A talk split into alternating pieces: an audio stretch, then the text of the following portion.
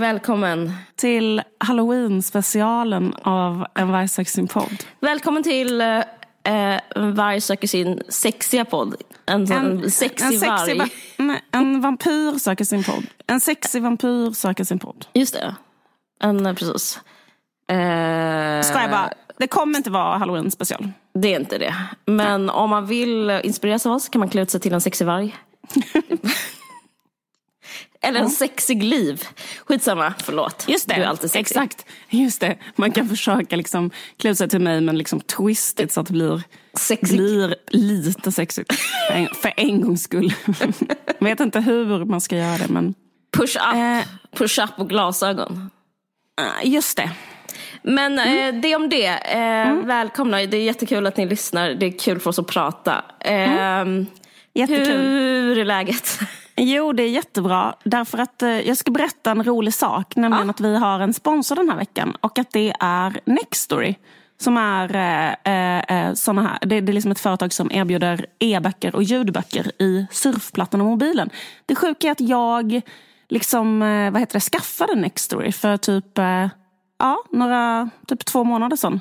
Innan sponsen? Innan sponsen. Därför att wow. du och jag skulle prata om Lady Chatterleys älskare i podden.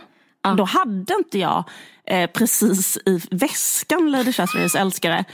Men då kunde jag liksom få det, för jag kunde bara gå in på, eh, på liksom ladda ner det jättelätt. Kostar ah. bara 119 kronor i månaden.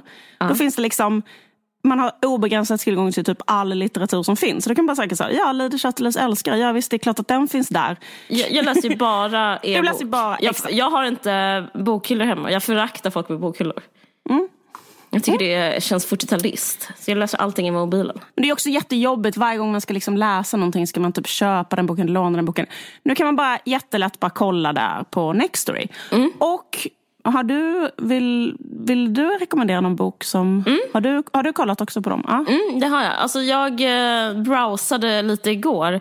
Mm. Eh, och... Eh, eh det jag hittade jättemycket. Men jag, jag fastnade för eh, Röda rummet av Strindberg. Så att, eh, den vill jag tipsa om. Den finns där om man vill, eh, om man vill eh, läsa den. Eller liksom, ja, lyssna. Jag tror man kan få lyssna på den också. Eh, och ehm, jag vet inte, ja, men det känns... Eh, eh, den är verkligen bra. Och Strindberg är verkligen bra. Jag, alltså jag tänker på Strindberg, tänker jag liksom att eh, jag är så glad att han har överlevt så många år. Och han, alltså han var så hatad. Det här, jag tror jag tycker mest om Strindberg för liksom hans biografi, nej men också för hans böcker. Mm. Alltså jag tänker med Strindberg så här, att alla kan känna igen sig på honom. Jag tror att alla känner så här, jag har störst eld i Sverige. Så känner alla människor. Ja, men, eh, ja, men jag tror många känner så. så mm. De har en känsla, så bara, jag känner så starkt, ingen känner så starkt. Men skillnaden med Strindberg är att han kände så starkt och så skrev han bra. Jag tror att liksom det den känslan, alltså hans eld är någonting som, som finns i alla människor som alla kan känna igen sig i. Men skillnaden på alla människor och Strindberg är att han också kunde uttrycka det. Och det är så väldigt, väldigt ovanligt. Men sen så finns en annan USP med Strindberg som för mig är, alltså Kanske för att vi typ hade kul under grunge-eran och var lite så indie förr i tiden. Men jag mm. älskar Strindberg för att alla hatade honom så mycket. Det ja. känns så himla kul. Alltså det är så kul. Det är sånt jävla mys att tänka att han vann. Mm. Och, nu, eh, nu finns han som e-bok. Ja, nu är han som eh, e-bok. Så att alla, kan, alla de konstiga, typ, jag vet att det inte är typ David Lagercrantz pappa, men kanske David Lagercrantz morfar. Nej, men jag vet en sån här gammal mm. chefredaktör på DN som typ tyckte att han skrev typ olämpligt. De, de, vem, jag minns ju inte ens vad han heter nu. Nej, nej. Men han var så hatad och eh, Medan någon annan jävla idiot var älskad. Typ. Han fick att, eh, liksom sätta upp eh, Fröken Julie i Danmark för den fick inte spelas i Sverige och sånt. Nej, exakt. Ja. Ja, så... det är fantastiskt. Mm. Det var ett jättebra tips. Du är rolig också för du var så här... Eh, för att vi bestämde innan att vi skulle säga varsitt tips. Ja. Och då sa du så här, jag vill paxa Strindberg, jag vill paxa Strindbergs Röda rummet. Du var så orolig att jag skulle välja just det. Det finns fruktansvärt mycket på, eh, på den här sidan. Ja. Jag kan faktiskt säga helt ärligt, jag, kan säga, jag, jag, kan, jag ska inte säga tips, men jag kan, säga, jag kan berätta liksom bara ärligt vilken mm. som var på riktigt den sista boken jag laddade ner där. Mm. Eh, och det är en bok av en hudläkare som heter Jael Adler. Um, okay. Y-A-E-L. Och hennes bok heter Huden heter den boken. Det är bara liksom en faktabok om hud. För hennes case är att hudvård är mumbo jumbo och inte fungerar. Hon är liksom en mm. hudläkare som bara skriver om så hur hudens tre lager funkar och att hudkräm inte går ner i det tredje lagret. Bla bla. Det är liksom en faktabok. Den kan man liksom till exempel scrolla sig igenom på en halvtimme eh, om man har det här abonnemanget. Eh, mm. och, Var den också bra? Intressant. Så det är liksom, det jag menar att det finns typ allt. Mm, verkligen. Allt. Ja. Eh, ja, den var faktiskt jättebra. Det var intressant. Men det där visste jag eh. redan. Min mamma är läkare hon har alltid sagt det till mig. Men jag måste säga att det är också lite stämningsdödare att få reda på sånt. Alltså om man vill... Det är mycket mysigare att smörja in sig än att läsa en sån bok tycker jag. Men, men alltså det är olika, man är olika. Man är olika, exakt. Jag tycker också det är ganska skönt om man inte smörjer in sig eller har glömt det att läsa en sån bok. Jo, så kan det också vara.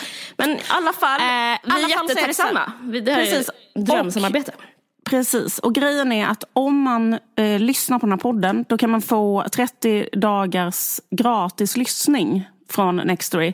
Då går man in på nextory.se kampanj och anger koden VARG. Kommer ni ihåg det? och eh, Man kan säga upp det abonnemanget när som helst. Men man får en månad gratis, det är väl asgött. Mm. Eh, och så vill eh, vi också säga att Nextory är först ut på hela marknaden med att ha ett familjeabonnemang. Som betyder att man kan ha liksom fyra olika profiler på samma konto. Så bor man i en sån mysig kärnfamilj med fyra olika personer kan alla ha varsitt konto. Kan alla så här, barnen kan ha alla sina barnböcker, asmysigt, ljudböcker, ligga och lyssna på det. Man är ett barn. Mamman har något om eh, hud, pappan och något om... Nej, det kan vara två mammor, kan vara olika. Det kan vara ett kollektiv. Och så ja. vidare. Men i alla fall kan man ha fyra profiler på samma konto. Mm. Så tack Mysigt. så mycket Nextory. Tack.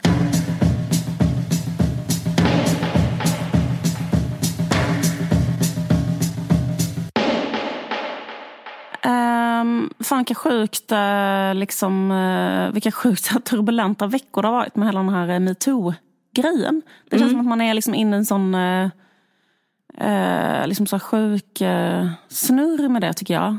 Som eh, bara pågår. Och man också själv tänker så mycket på olika saker som eh, eh berör en själv och har mm. hänt en själv och sådär. Så att man blir så jävla påverkad och eh, det bara pågår liksom. Verkligen. Verkligen. Alltså det är...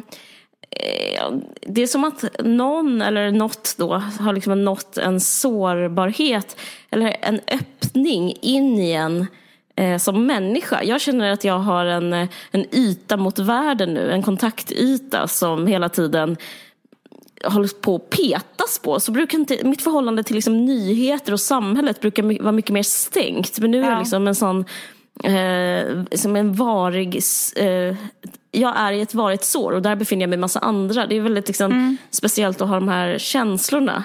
Mm. Jag, eh, jag hade liksom inte räknat med att det skulle komma upp något sånt här. Alltså, jag, ska inte prata så mycket om mina känslor, men jag vill snabbt säga bara att jag tycker det är rätt så fantastiskt. Och liksom, jag, har varit, jag är nog en cyniker, eller en pessimist, för jag tror aldrig... Alltså, all, min upplevelse som feminist och som kvinna är att alla varit med om övergrepp. Men jag tänkte bara att det var sakernas ordning. Jag vet, eh, jag tänkte också så. Så, så jag blev så här, så, jag blev så här, men vad fan. Så ni, jag visste inte att det gick. Och, fick man alltså, säga alltså, något jag vet, det? Jag vet. Jag tänkte så här, eh, att jag lever tills jag får se det här. Typ så jag tänkte. Så, trodde, så, här, så trodde man ju inte. Man trodde inte Nej. att man skulle få se att någon sa till. Typ. Nej, jag vet. Jag tänkte så här, uh, Självklart har jag blivit liksom nedtryckt, eh, med alltså mitt huvud blivit nedtryckt, jag var tvungen att suga av någon. Själv, men, men det är ju bara liksom, jag har också gått i skolan och ätit kvällsmat. Alltså det finns ju ingenting som, varför skulle det tas upp? Alltså jag tycker det är väldigt så här, speciellt Alla, att vara med om. Ja precis, att man på riktigt skulle säga så här, eh, den här normen att ni får göra så här mot oss är fel. Alltså, ja. Um... För jag upplever lite, alltså, nu låter det kanske som jag är lite minibitter, men om man har liksom hållit på med feministiska frågor en längre tid så kanske liksom jag kanske har skrivit upp en text om det här i Bang för tio år sedan. Mm. Men liksom att då mm. kanske ingen brydde sig. Men det kanske inte går att, eh, det kanske inte går att skapa opinion på på det, alltså det kanske måste vara en folkrörelse för att någonting ska förändras. Alltså, det spelar ingen roll om någon är tidig eller sen, som alla måste på något sätt vara med för att någonting ska hända. Alltså, för det, alltså, alltså det finns alltså det, jag menar, det är inte nytt med teorin om att det finns ett patriarkat och i det patriarkatet finns maktutövning i form av sexuellt våld. Det är jättegammalt men det är först nu som alla bryr sig. Eh, och mm. det, det känns rätt så eh, fint. Men jag, ja. Samtidigt så känner jag så här bara, fast eh, sen kommer folk glömma bort det. Alltså, ja. liksom ja. att man tänker lite så här, nu, alltså det, det är liksom lite nu det gäller och mm. sen bara om ett halvår så är det så här. Det känns redan, en, jag känner redan hur det rinner mellan fingrarna. Ja. Man vill hålla fast i det här. Men jag har liksom lite minikritik och jag vet mm. inte, men det är bara för att utgångspunkten är att det är fett positivt och ja. därför sa jag det i början. Men jag har bara lite minikritik vad som man kan tänka Liksom, jag har tänkt lite på ett mm. annat sätt och det, och, och det, betyder inte att det är fel men tvärtom så som du säger, jag skulle vilja att det gick ett inte liksom bäddades in i folks liksom, bara, ah, det är som det är känsla igen utan att man kunde ta lite längre. För det jag, det jag har liksom sett som ett mönster, eh, det är ju det som är så, man kan vara tacksam för, att man ser ju en struktur ritas upp eh, framför nyllet på en. Man ser liksom, aha, alla här på Facebook och Twitter och även alla så här, mediekvinnor typ. Eh, Åsa Bäckman pratar om någon som Italien som tafsar på henne. Eh, Johanna Fred, Frändén, sportreportern om hur killarna på Aftonbladets fest dricker för mycket och liksom blir så här eh, gropey. Kajsa mm. Haid eller DN pratar om DJ. Hotenius såg jag på eh, Aktuellt som pratade om eh, hur det var på Aftonbladet när de skrev det. dokumentet. Och eh, så man kan bara, mer och mer och mer, alltså olika, mm, så här, Malin Ullgren skrev någon, någon finstämd textidén om liksom, eh, lite som vi var inne på, att det finns liksom en, en vana i, i tanken om sexuella övergrepp. Men att jag är lite förvånad över slutsatsen, för, att det, för det finns också sådana här eh, texter som kommit. Två, en i Metro nu och en i Eva Franchell på Aftonbladets ledare skrev så här.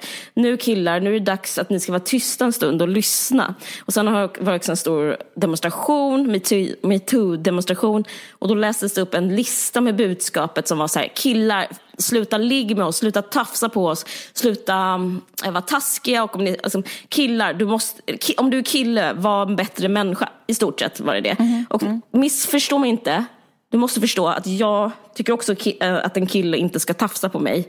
Mm. Eller någon annan. Mm. Men, men jag tänker, jag saknar någonting som är, kanske låter konstigt, för det är ju en stor, en stor liksom, rösthöjning alltihopa. Men jag saknar ändå en slags krav från kvinnor att göra liksom ännu större anspråk. Eh, jag är med i en grupp till exempel, om en mediebranschgrupp med film och tv, kvinnor eh, bakom kameran typ. Och då, mm. då, då är det flera tusentals kvinnor där och då så finns det ett öppet brev nu som nästan alla skriver på som är så här, jag vill inte vara, jobba eh, där det förekommer eh, sexuella trakasserier, jag tolererar inte det. Eh, och då tänker jag så här, nej jag skulle kunna skriva på det men, men jag tror inte det är det som är problemet. Jag tror inte, där, nu, kommer du, nu kommer du kanske tycka jag är konstig, men jag tror inte problemet är sexuella trakasserier. Jag, alltså, jag, alltså det är ett problem i sig. Men det är viktigt att zooma ut var, varför sexuella trakasserier mm. liksom förekommer. Och om jag ska bara koka ner det så är grundproblemet Uh, alltså det, alltså Ojämlik maktfördelning? Ja, alltså det ja. har att göra med till exempel hur man liksom, ja, hur, i, i Kongo när man, det, det, var folkmord. Jag kan ja. aldrig glömma när jag läste en rapportering om hur att man, man använde våldtäkt som krigsföring. Att mm. Det är ett sätt, det är maktutövning. Mm. Och då liksom, det, det, är inte jag som, det är inte som att jag berättar det för alla, men det jag känner med det är att det finns en lucka nu, det finns ett litet hål. Och, och, och, och det som vi kräver nu, eh, kvinnorna som berättar det här, eh, jag tycker nästan det är fel sak. Vi kräver att killarna ska bli snälla. Eller Nej. enskilda killar ska vara snälla. Mm. Eller, mm. eh, det var att, eller säga att Timell är dålig eller Virtan är dålig. Och mm. grejen det låter jättekonstigt och jag vill inte eh, vara taskig mot offer. Men jag skiter lite i Timell, jag skiter lite i Virtanen. Det liksom jag tänker är att inte det makt... Eh, eh, fördelningen som, inte ja. den som ska ändras. Alltså det, anledningen att det hände det där på TV4, det var för att Eh, han hade så stor makt. Han har så stor makt och mm. eh, männen över honom är mm. män. Och, att, mm. och jag vet själv i medievärlden, alltså det som, både du och jag har en vän, Karin Arbesjö hon, och hon mm. skrev någonting om som handlar om att, eh, sam, att det här finns liksom en eh, parallell berättelse som är om prekariatet, alltså osäkra anställningsvillkor. Mm. Och att i medievärlden den är det väldigt mycket, det har varit väldigt många fall som har kommit fram nu, liksom flera hundratals fall som jag känner till och som liksom, ja, folk känner till. och samtidigt så är det just i den världen också där man har så osäkra arbetsförhållanden. Ja. Och de osäkra arbetsförhållandena utgörs, det är mest tjejer som har de mest, de mm. sitter Eh, det är liksom ett eget litet ekosystem där tjejer sitter löst. Mm. jag hörde på den här podden, Double X podcast, och de pratar också om Hollywood som metafor för just det här. Att det är också ett, liksom ett eget ekosystem där Harvey Weinstein, han sitter högst upp på någon ja. slags statuspyramid. Eh, Längst ner sitter vackra unga tjejer som vill bli skådisar. Ja. Och, och, och, i, och med att man inte håller på med så här det är inte som att anställa sig i landstinget. Eller liksom, man, det finns inga anställningsavtal. Man har inga liksom egentligen... Alltså CV räcker inte, utbildning räcker inte. Så det man gör är att ställa upp på en kultur eh, som är en, eh, en frisläppt maktordning. Och den maktordningen är att den som har mest makt, den bestämmer. Och, det, och att bestämma över någon annan kan, man, kan ta sig olika uttryck. Till exempel då att så här, ut, för sexuellt våld. För att det går och för att man får och för den andra liksom Alltså jag vet inte, jag, jag känner igen mig. Alltså jag ska inte börja prata om mig själv. Men jag tänker liksom bara den stämningen. Jag tycker det handlar om social kompetens lite. Hur det är att jobba på en kanal som jag har gjort och på produktionsbolag. Då är det att man åker in eller ut. Och det som avgör är en sociala kompetens. Och ja. den kan se ut på olika sätt. Till exempel är alla svinsnygga på alla produktionsbolag som jag har jobbat på.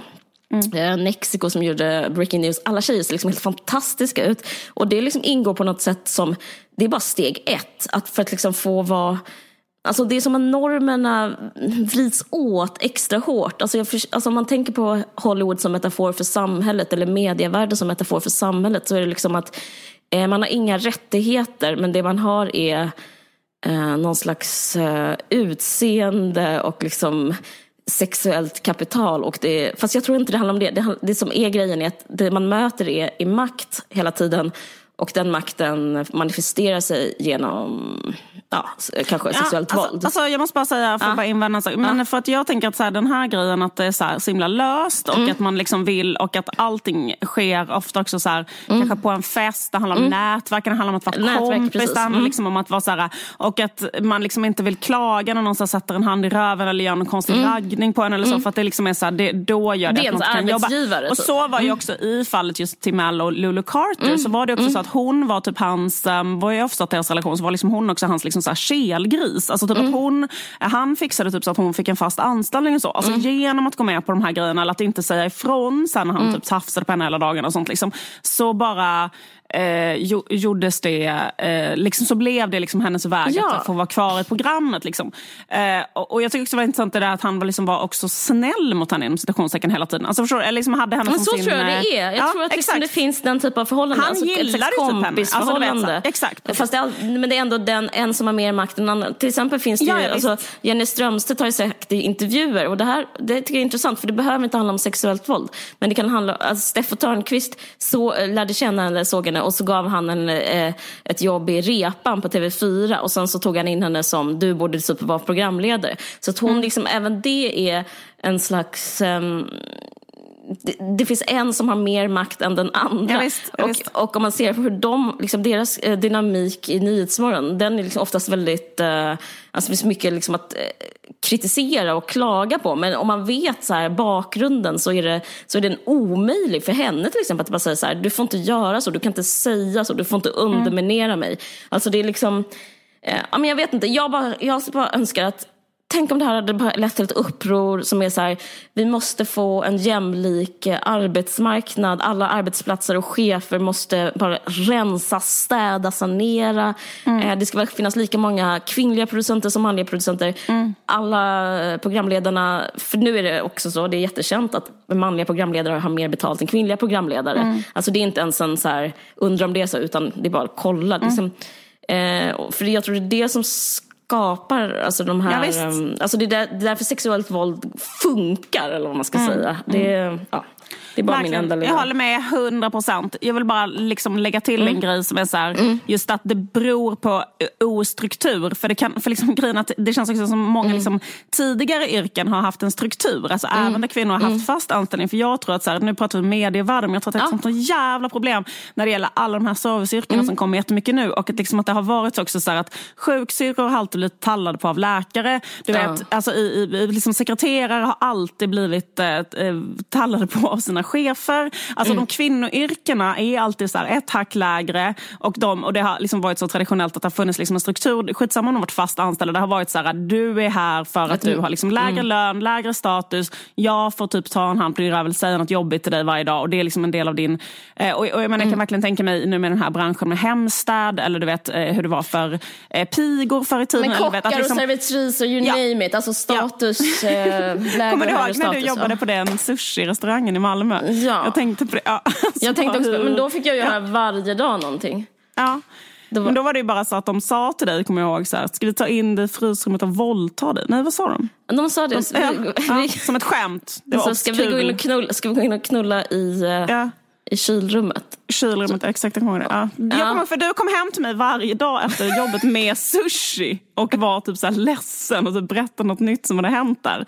Och att de alltid drog servitriserna i stringtrosorna. Nej? Ja, just det. De, de gjorde en sån wedges, att man drar upp string, stringtrosorna i, uh, ovanför eh, byxlinningen. Precis, och att det var bara så här, det här gör kockarna varje dag på servitriserna. Liksom. Nej, mm. men att, att, att, att, liksom, att det har funnits, liksom, men, men sen så då när man liksom luckrar upp allting mm. Och att det är så här bara, ingen har en fast anställning, ingen har en roll. Man säger kanske inte heller att det finns en status längre mellan män och kvinnor. Alltså förstår du vad jag menar? Att det är bara mm. så här, nej men vi är alla bara här, vi är bara kompisar, mm. vi kanske är fulla, vi super ihop, vi gör det här. Mm. Vi, liksom, du vet, liksom, vi kanske är KK. Alltså så har det varit också. Mm. Inte för liksom, men jag menar som det här fallet med um, inom SD så har det också mm. varit en sån eh, sextrakasseri-grej. Och då har det också mm. varit den här grejen att de har varit KK eh, mm. som han har anfört i sitt försvar. Och då mm. finns det liksom inte någon, eh, då är det så här, nej men inom ramen för det så kan vad som helst hända. Alltså, du vet, så här, att det är så här, det, allting är så löst. Allt är löst och det är ehm. bara en, en, liksom en skalan av likable. Alltså, alltså, det, jag, alltså man förstår att det händer liksom, från båda parters sida. Liksom. Ja. Det är så, men det var en, ja. Ja. Men det var en skitbra poäng det här med att här, sluta säga så här till killar bara var snälla utan istället bara eh, hälften av makten och hälften av lönen. Punkt. Men, punkt. Hela lönen, halva makten. Hela lönen, halva makten. Ja. TV4. Men det är liksom TV4. ja. Det, var som hänt, men det som hänt på TV4 var inte Timells fel. Alltså grejen är, Timell kommer alltid finnas. Alltså, ja. Den typ av människa kommer ju alltid finnas. Så liksom, men det är inte han det är inte han som kan sätta stopp för en nej. maktordning utan det är TV4s för... arbetsledning. Nej, nej, han kan inte sätta stopp för sig själv. För liksom hade nej, han kunnat... Han, ja, hade han kunnat det hade han ju gjort det. Men jag menar, han kommer ju att agera inom de ramarna som ges för honom. Mm. Och jag menar, snacka snacka om att det har varit sådär med sådana mm. gamla tv-gubbar. Alltså, jag menar, mm. Han är ju bara en helt vanlig tv-gubbe. Alltså, ja, menar, ja. Du behöver ju bara läsa så här, Han spelar sin roll. Men grejen är att alla, alla chefer liksom, bara, bara, bara städa, bara liksom, sitt med ett Excel-ark om det är liksom 50-50. Det, det, är så det kommer sluta. För det kommer liksom inte sluta liksom att någon kille är duktig. Alltså, jag, jag blir så, så fan, jag blir lite besviken på olika feminister. Men det ska, det ska vi inte gå in på nu.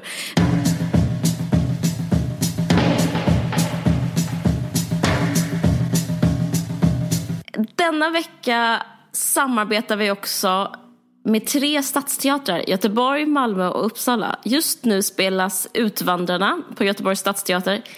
Inte musikalen Kristina från Duvemåla. Tyvärr. Ja, nej. Det är Pontus Stenhälls teaterversion av Vilhelm Mobergs roman Utvandrarna. En oväntad, överraskande och lekfull version. Och alla talar småländska. Mm. Superkul. Mm. Älskar Utvandrarna. Läste den när jag var eh, gick på högstadiet. Älskade den. Läste den när jag var kär i honom från Småland. Älskade den. Mysigt. Utvandrarna kan man se fram till den 23 november. Och om man lyssnar på den här podden, vilket ni gör, eh, hej på er. Då, kan ni, då får ni 25 eh, rabatt på biljettpriset. Så jävla härligt. Ni säger bara Liv och Caroline i biljettkassan. Mm. Grattis Göteborg! Men en annan svinhärlig grej är att om man bor i Malmö, då kan man gå till Malmö stadsteater och kolla ja. på monologen ja. Ni kan kalla mig Ernst. Det är en monolog på Intiman som handlar om Victoria Benediktsson. Eh, slash. All, slash Ernst Ahlgren. Hon hade ju en, eh, exakt, hon hade ju en manlig pseudonym för att folk eh, älskade män så mycket. Va? Älskade män på den tiden. Nej.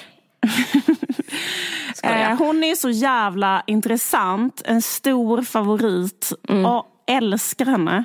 Vi är fans, både vi, du och jag. Exakt. Vi är heads. Eh, vi är verkligen det. Hon är ju så här, eh, en av Sveriges stora författare och hade ett jätteintressant eh, eh, fruktansvärt livsöde i någon skånsk håla med en gubbe och så vidare. Så allt är skitintressant. Speciellt Hon har gjort dag. väldigt mycket för feminismen. Hon har liksom, jag, jag, jag, har verkligen fått en, när jag läst böcker av henne så har jag blivit, vad heter det, fått aha-upplevelser. Ja. Hennes snack om dubbla blicken och allt det där. Alltså det är supermodernt och superintressant feministiska teorier.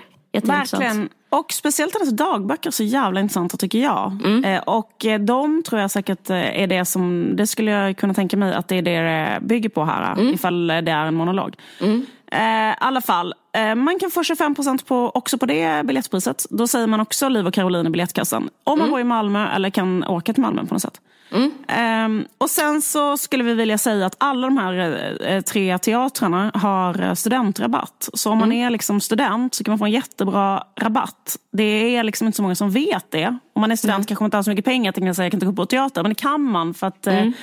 Man har liksom eh, ofta typ en jättestor rabatt om man är student. Så gå in mm. på de här hemsidorna, Göteborgs stadsteater, Malmö stadsteater och Uppsala stadsteater och eh, kolla eh, vad de spelar och eh, vilken rabatt man kan få.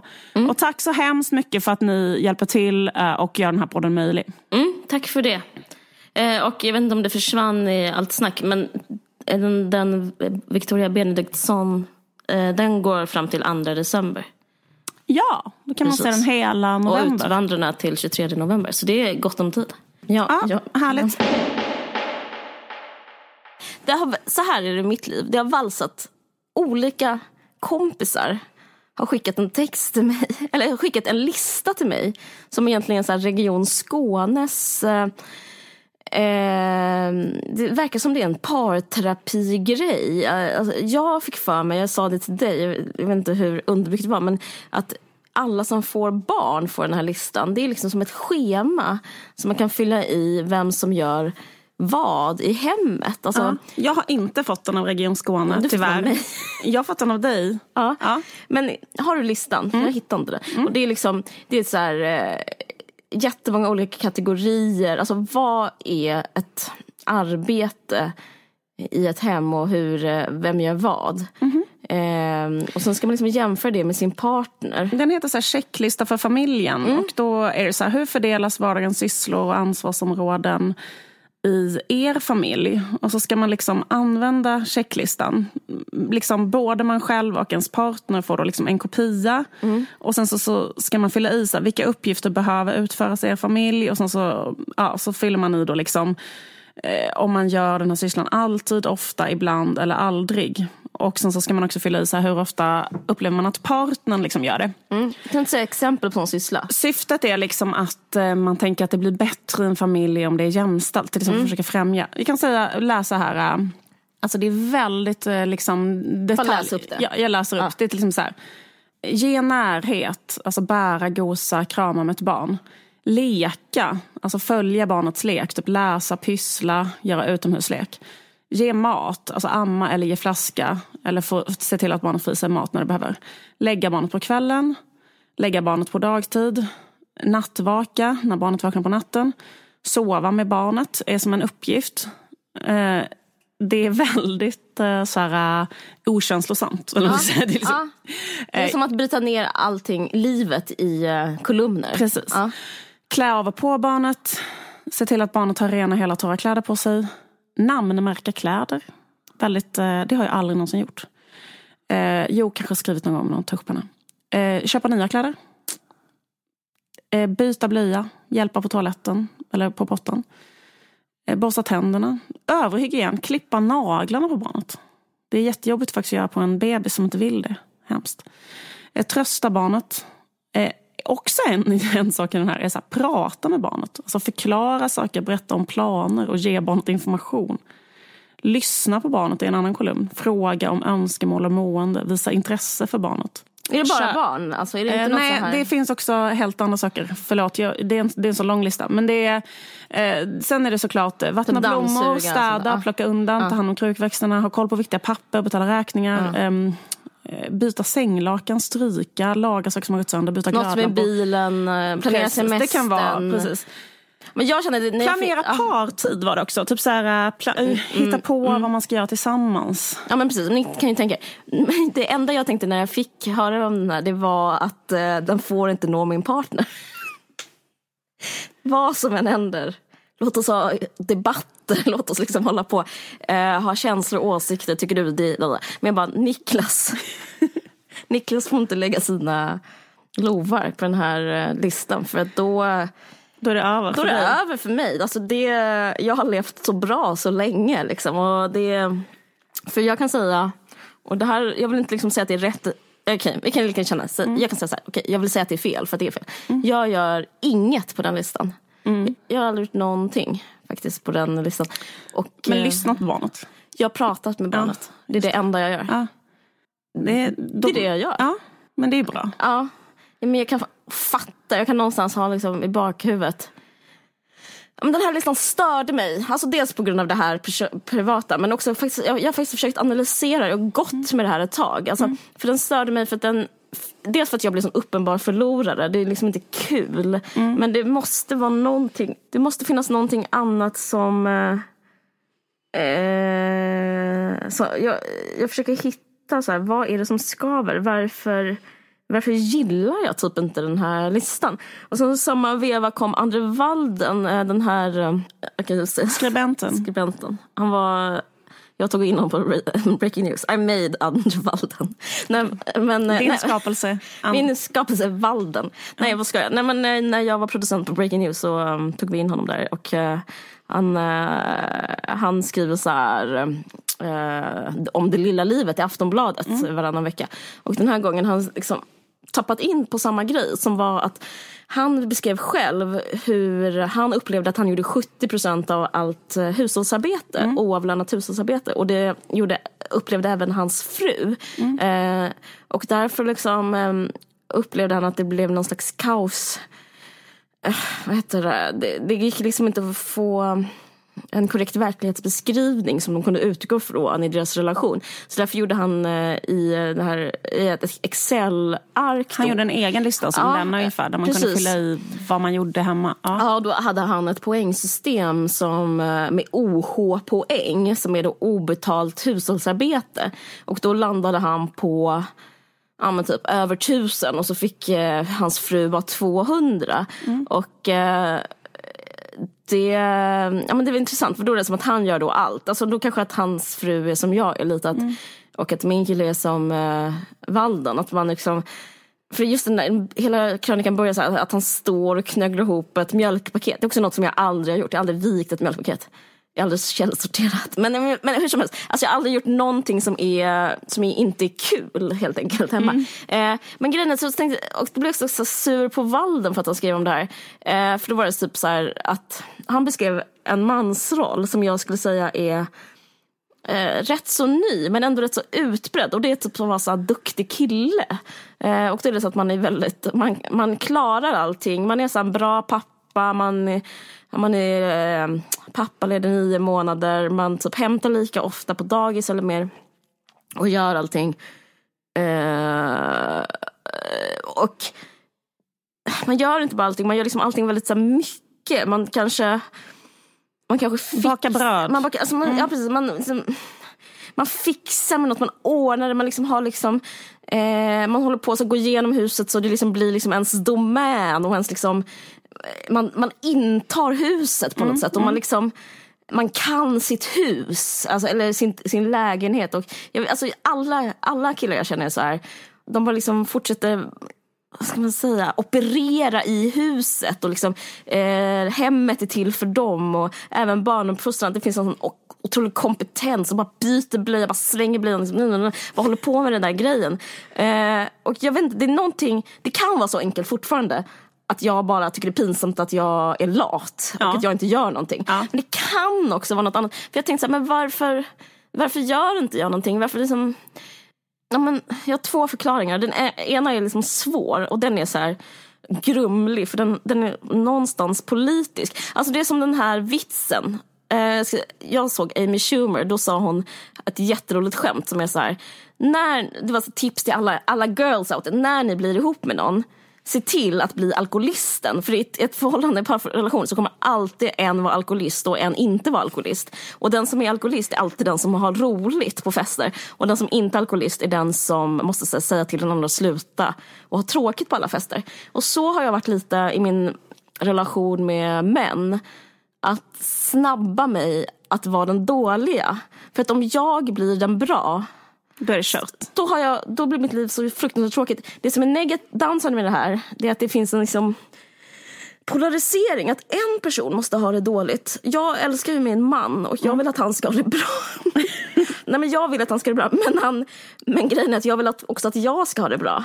Så det är liksom det som är så svårt. Eh, ja. Jag har ingen lösning på det här. Eh, och sen så har jag liksom min grum, grumligheten som jag ska komma till. Det är att så här, som jag tror jag kan motivera för mig själv som är så här, historiskt så är kvinnor förtryckta och även så här, i samtiden så är det mest kvinnor som gör, emotion, eller liksom gör hemarbete, obetalt, hemarbete. hemarbete. Uh, och därför är, är ju här min privata in, revolution. Exakt, ja, men för jag vill ja. inflika det att i, ja. i det stora hela, även om du har den här upplevelsen av människor som du känner och dig själv, så i det stora hela så är det ju att kvinnor gör det obetalda hemarbetet. Precis, ja. men så är det ju. Det är verkligen så. Och det finns ett bevis för det och det är att alla kvinnor blir utbrända. Mm. Eh, men jag blev utbränd utan att göra någonting. Det är också jättespeciellt. Jag jobbade inte ens när jag blev utbränd. Och jag gjorde inget hemma. jag blev utbränd av att tänka. Det är så sjukt. Men jag fick den kliniska diagnosen. Eh, det är väldigt speciellt. Liksom bara legat ner och sugit ut dig själv. Så här, fullständigt utvilad fysiskt och psykiskt. Nej men det var faktiskt att jag, alltså jag, ska, alltså, jag, jag, jag liksom, raljerar men jag måste säga jag, en sak. Jag, jag vill säga att du ja. raljerar ja. för jag tycker att du... Eh, jag gör en eh, sak och det är att vara väldigt bra mamma. Och det är lite faktiskt det jag ska komma till. Alltså inte, nej det var inte mm. det jag skulle komma till men jag menar jag gör en sak och det är att vara så här, närvarande med mitt barn. Som, ja, men jag, jag är faktiskt det och typ så ger henne all uppmärksamhet hela, hela tiden och typ är på tårna på något sätt som en sån piga. Så ja. det är jag och det var därför jag blev utbränd när jag var mammaledig. Men, eh, nej, men jag ska säga att jag, det jag har emot här det är att liksom, även om allting är rätt på pappret mm. så finns det någonting annat som är så här det finns två saker. Och det ena är, alltså jag, tycker, jag tror inte min politiska take håller. Typ så här, andra kvinnor är förtryckta, alltså ska jag förtrycka dig. Det, det tror inte jag på. Det pratade vi om för några avsnitt sedan. Jag tror inte det eh, håller. Liksom. Men det som håller är att jag upplever att allt det här är bara utanpåverk. Det är som att folk som håller på så mycket. Jag upplever att de här killarna som är så jävla duktiga, att det är en slags så här härskarteknik. Att det finns något som är så här, men egentligen är det bara en bluff. Alltså det är inte sant att man behöver vika ett mjölkpaket. Ingenting händer om man inte viker det mjölkpaketet. Det är samma med sådana påsar. Man behöver, inte, man behöver liksom inte knyta en plastpåse och ha en plastpåselåda. Alltså man, det går att leva på ett helt annat sätt. Och jag upplever liksom att det finns ju, fler killar, eller så här, ju fler personer i min närhet som håller på så här med står och så här, knyter en plastpåse framför mig. det du menar är att knyta ihop en, en, en, en tom plastpåse i en liten äh, Så jag förminskar den då, ja, liksom, och gör den, mm. alltså, göra plastpåsen praktiskt ja. liksom liten då, ja. så den får plats med andra plastpåsar efter man varit och handlat. Eh, för det är typ också sånt obetalt hemarbete. Som, ja, men det är mycket sånt som bygger den här känslan av så här, martyrskap. För det, är så, det ligger så nära martyrskap. Mm, mm. Och det vet ju alla så är, ja men typ. Till, fram tills nu kanske, eller det är väl fortfarande så nu. Det här jag pratar om min pyttelilla egna krets och mm. min upplevelse. Ja, men typ så alla älskar Raymond, alla har typ en utarbetad fru som hela tiden så här, håller på med Tupperware-burkar eller knyter en plastpåse. Eller liksom håller på med barnens matsäck. Och så men grejen är alltså, grej, att man behöver inte göra det. Att det bara är, det är bara skit. Alltså, ja. jag, alltså, jag vet inte men man behöver inte göra någonting. I min, alltså, vad behöver man egentligen? Förstår vad jag menar? Man behöver kanske, nu kommer du protestera för du, jag vet att du gör väldigt mycket. Men, men egentligen man, man behöver inte, hur mycket behöver man göra? Ja, men alltså bara att eh, liksom städa så att man inte lever i ett jävla... Liksom, alltså att bara att varje dag när man har lagat mat så måste man plocka undan. Man måste laga den ja. maten, sen måste man plocka undan den maten och sen måste man liksom... Det är typ två eller tre timmars jobb bara rakt ja, av i köket på kvällen. Och om man inte gör det så kommer man upp nästa morgon och så är det så kladdiga grytor överallt och då ska man göra frukost och då liksom blir det värre. Alltså, det är sant. Det är, okej, okay, ja, det är sant. Ja, men, jag...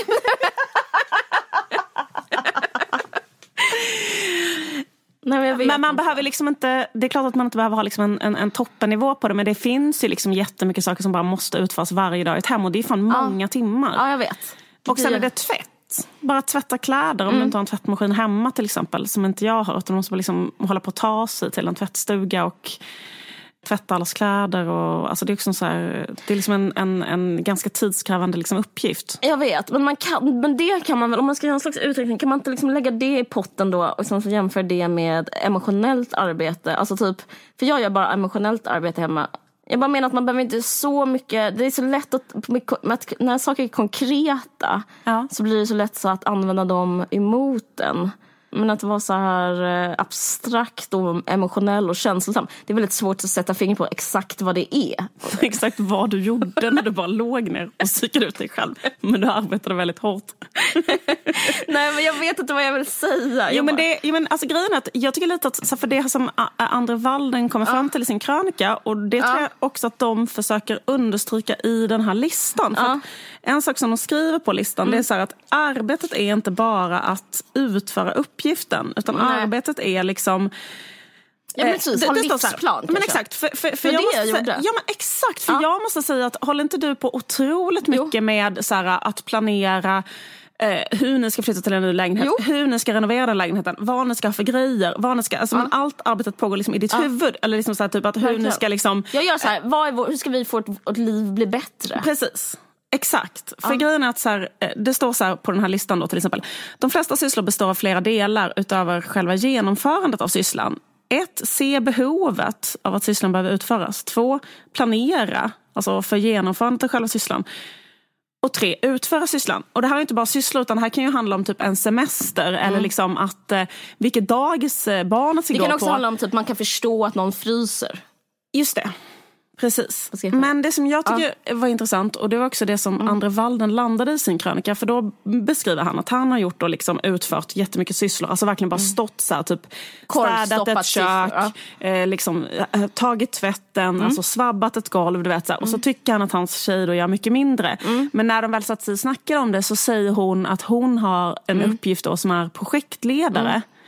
Eh, men du kanske inte heller är projektledare? Jo, jag är det. Jag är det. Eh, för annars hade vi, vårt liv hade varit så här att eh, om jag inte hade varit projektledare då hade vi bott typ på 20 kvadrat och så hade min kille stått och diskat en sån en, en liten diskbalja för vi hade inte ens haft en diskho. Ja. För att liksom eh, så kortsiktig är han jämfört med hur långsiktig jag är. Alltså, ja. Han ja. hade bara liksom städat sin pyttelilla mushörna. Alltså det, vi, hade, inte varit någon. Vi hade Nej. liksom varit i, i ja men allt bara varit Alltså men, han är duktig i stunden. Eller vad ja, men jag fattar vad du menar. Och det här tror jag är liksom så himla himla vanlig mm. liksom, uppdelning. För det här kan jag känna igen alltså, Jag är nog glad för det. För det finns, jag tror att förr i tiden var så här, ja. kvinnan hade planerande ansvaret och gjorde det andra. Just det. Och då liksom Ja, men ja. exakt, för jag, jag, tänker på det där med att bli utbränd för att man liksom håller på och tänker ja. själv. Typ så här, för att jag, alltså för, för att eh, eh jag eh, tror liksom i, i mitt parförhållande också är så här, typ att jag har absolut den här då liksom projektledarrollen. Ja. Men också då liksom att det så handlar också om det att se behov. Mm. Att typ att vara så här, den här gardinstången måste skruvas upp. Det här måste, så, här, så nu måste vi eh, städa i badrummet. Nu måste mm. vi ha en ny gavel till den här sängen. Mm. Nu, har den här, liksom, nu måste vi flytta den här sängen hit. Nu måste vi ha en annan soffa. Mm. Alltså, det, är liksom, det, det, det är en loop som pågår i mitt huvud som liksom inte går att stänga av. Nej, men alltså, på pappret ser det ut som inredning. Ja. Då ser det ut som någonting som är tjusigt att hålla på med. ja, men det handlar också om så här, mm. Hur man ska planera framåt. Det kan mm. handla om vad som helst. Mm. mm.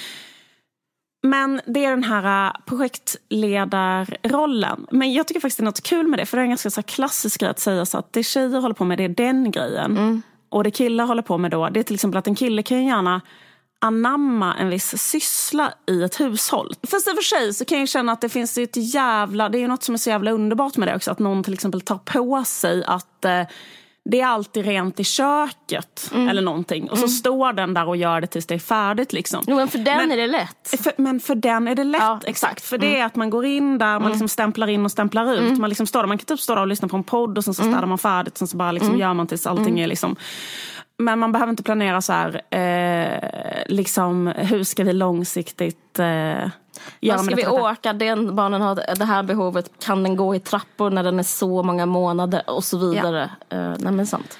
Men att det också är svårt att förklara, för jag kan också känna igen mig i det här att Mm. jag då liksom inte gör någonting. Eh, alltså inte på samma sätt eh, tar tag i en storstädning eller liksom bla bla bla. Utan Men skulle, just kan du säga, och för typ- jag kan säga så här, vi behöver verkligen städa. Kan du säga det? Ja, absolut. Ja. Eh, det är det enda jag gör. Alltså gå runt och typ gråter för att en, eh, någonting inte är upphängt på väggen. Ja. Liksom. Eller, så här, och, eller liksom att, att, att jag ser behov, ser behov, ser behov, ser behov Mm. och blir så himla stressad av det. Men det är jättejobbigt att liksom ändå liksom från, från tanke till eh, genomförande. Exakt, och det är det jag tänker att... Köpa en cykelsadel Ja, till sitt ja. barn. Ja, ja. Få den uppskriven på den pakethållaren. Jag säger inte att det var jag som skruvade på den. Men jag säger att den kom, den kom in i vårt hem. Precis, exakt. Ja. En annan sak som är så fruktansvärt jobbig tycker jag, det är liksom att hålla på med inköp. Att man behöver göra så fruktansvärt mycket inköp hela tiden. Och då som så här, planera det, göra Mm. det. Så här, jag tror, alltså, när det gäller liksom kläder till barnen, som ser barnens klädesbehov. Alltså det går liksom inte att börja med. Liksom. Mm. Det gör Nu faktiskt jag, 100 procent. Ja men exakt, självklart gör det det. För det finns typ inte en enda kille i hela Sverige som har det ansvaret. Ja, som, har, som ens tänkt att barn har strumpor. Nej men förlåt. Ja. Men Onödigt. ja, det var onödigt. Det, var, det klipper vi bort. Nej men jag, jag har Men det är lätt att ett... känna sig dålig med det här. Jag har ju liksom ett, eh, en slags eh, liksom, eh, relation då som är att jag har barnen varannan vecka. Mm. Det tänkte jag faktiskt, eller inte varannan vecka men delad vårdnad. Då måste Och det då- bli bättre ju. Då blir det bättre. Men det finns ändå saker som är kvar. Och det tror jag att många som har så här Mm. delad vårdnad mm, om barn eh, känner igen sig i. För det handlar också om att se behov långsiktigt när det gäller till exempel kläder och hit och dit för barn. Mm. Det så då måste man ändå, Mm. exakt så här, typ, nu behövs ett inköp för det här, nu behöver vi göra det här, nu bla bla bla. Liksom sådär. Så det, det, men, men sen så... ehm, men det blir ju såklart mycket bättre. Men sen har man ju ändå ett hem. Och nu delar jag, eller liksom, jag, så här, så att det, men, men sen så tänkte jag också ganska roligt. För att, eller en sak som jag tänkte var lite LOL när jag tänkte på allt detta. Det här är också signumet för vår podd. Att först säga någonting åt ett håll och sen säga någonting åt ett annat håll. Men typ att ehm, det finns liksom en... eh, Alltså det, det här är ju en väldigt etablerad så att säga liksom feministisk tankefigur. Att så här, kvinnan är projektledare. Och liksom det finns eh, en uppsjö feministisk litteratur som handlar om att liksom, familjens projektledare måste säga upp sig. Och hur man ska... Och det längtar mig själv efter. Så här, hur ska jag få den här rösten att stänga av i huvudet som Ja, hela tiden verkligen. säger så här. Eh, eh, gå och köpa Den som det. kollar på det behövs ett, Blocket. Precis, exakt. Liksom, eh, handla det, göra det, planera det, städa Mm. det, åka dit på semester, bla bla bla. Bestämma jävla middag med de här människorna. Eh, du vet, hela den grejen. Mm. Men ehm, jag känner att för mig så skulle jag absolut kunna jobba heltid med det. Jag har ju två barn. Alltså, Om inte jag skulle liksom ta, alltså, aktivt säga jag skiter i att utföra en viss syssla för att jag ska kunna överhuvudtaget jobba. Eh, så hade jag liksom lätt kunnat fylla hela mina dagar med att bara göra detta. Gud ja. Mm. Alltså det är så, så mycket, det beror på vad man lägger nivån. Men om man liksom inkluderar allt sånt att man borde ha ett socialt liv, man borde så här bjuda hem folk, man borde göra det ena med det tredje. Alltså då, då är det liksom helt Jag är sjukskriven nu och det är det enda jag gör. Ja. Och då är, fyller du hela din tid med det såklart. Jag skriver två timmar på min roman. Resten av tiden eh, planerar jag planerar jag. Ja. Som en slags, jag orkestrerar ett liv. Det tycker jag låter... ehm, Även på natten, så vaknar mitt i natten. Tänker på en växa-säng. Du vet så. Absolut. Googlar olika saker 80 gånger om dagen, olika inköp, åker dit, planerar det, kollar det, kollar den pris. Alltså det är liksom helt otroligt mycket. Ja. Men vad skulle du säga? Det känns som Men vad skulle jag säga var att det här är en klassisk insikt. Killar utför uppgifter som tjejer har liksom hittat på i heteroparförhållanden, bla bla bla. Men, och så brukar tjejer säga så här, och det här är så jobbigt för oss och hit och dit. Men så slog det mig en tanke så här, är det inte, är det inte bättre att vara projektledaren? Jo. men det tycker jag också. För jag tycker så det, vill jag, det vill jag också komma fram till. Ja, men för det var det som att andra är skit och ja, men... det, det vill jag bara, är det ändå rätt kul. Ja, men exakt, för det var det jag tänkte i andra Valdens krönika så slutade med så här, ah, jag trodde att jag gjorde allt men min tjej, alltså han försökte ju vara liksom en duktig feministman. Ja, och säga så här, sen förstod jag att min tjej planerar allting så att ja. hon jobbar hela tiden så med detta. Men liksom, om man ska göra analogin ett företag, mm. man tänker sig att det finns ett företag mm. på två, en är chef och en är en arbetare som utför uppgifter. Som den andra, för tänk dig att vara kille, ja. nu pratar vi alltså, extremt generaliserande om heteroförhållanden. Vi måste fira det. Tänk dig att, få, tänk dig att leva och vara kille i, i en sån lägenhet. Saker du absolut aldrig har ägnat en mm. tanke. Mm. Typ så här, eh, taket ska målas om. Nej, jag vet, alltså, mm. saker som du inte känner ett behov av eller någonsin har sett väckt, eller tänkt så här, på. Kille, blir väckt på morgonen och så oh. säger så här, men har du inte fixat det? alltså det, vi måste uh, undersöka hetero ja. för att det, det kan ju utkristallisera sig ja. sådana här roller ja. i säkert vilket förhållande som helst. Nu pratar vi bara om så generella. För grejen också att jag har också var, och levt i ett förhållande jättelänge med en person som var projektledare. Det är ju lite Fick ovanligt. du utföra då? Ja. Men, eh, men det är en jättedålig casting. Fast jag utförde inte heller riktigt. Så Nej, var... för jag skulle säga, alltså jag vill inte förolämpa dig alls, Nej. men jag skulle säga att uh, casta dig som en utförare. Alltså, jag, vet ja. inte, jag tycker inte det är fel människa på um, fel plats. Att du tycker att, att jag passar ja, jag, bättre som utförare? Nej, jag tycker jag passar bättre som projektledare. Ja, okay. Ja. Alltså, jag tycker inte du ska vara den som uh, spikar upp grejer. Och... Eller kanske du är? Jag är det nu alltså. Jag, är du det? Ja, alltså jag, jag, är båda, jag är båda och. Det tror jag är kvinnofällan. Ja. Jag tror att eh, eh, man ska välja, för, jag tror, för det är för jobbigt. Mm. Eller det måste ju vara för mycket arbete. Ja. För vi har precis konstaterat att det här är ett arbete. Mm. Och det andra är ju också ett arbete. Mm. Då blir det ju som man dubbelarbetare. Och sen ska man kanske ha en karriär vid sidan om. Precis. Det, ju, det låter för jobbigt. Exakt. Men eh, jag, jag skulle säga att, liksom att delar hyfsat på utförandet. Mm. Men jag gör projektledandet. Men det så, kanske så är, är bättre då att en gör utförandet och en gör projektledandet. så att en bara säger, ja men precis. Men kanske. Ja. Men jag undrar också ifall det går att stänga Fast av. Det som händer då, det, det, jag vet inte om jag säger det för att jag har, för så mm. har jag. Mm. Och jag kanske bara som en vanlig person som försöker motivera mina egna livsval. Uh, men det som händer med en är något annat. För det finns någonting i samhället i alla fall fanns när jag växte upp. Och det finns någonting som är en viss typ av synlig duktighet. Så här var när jag gick på DI, det är väldigt talande.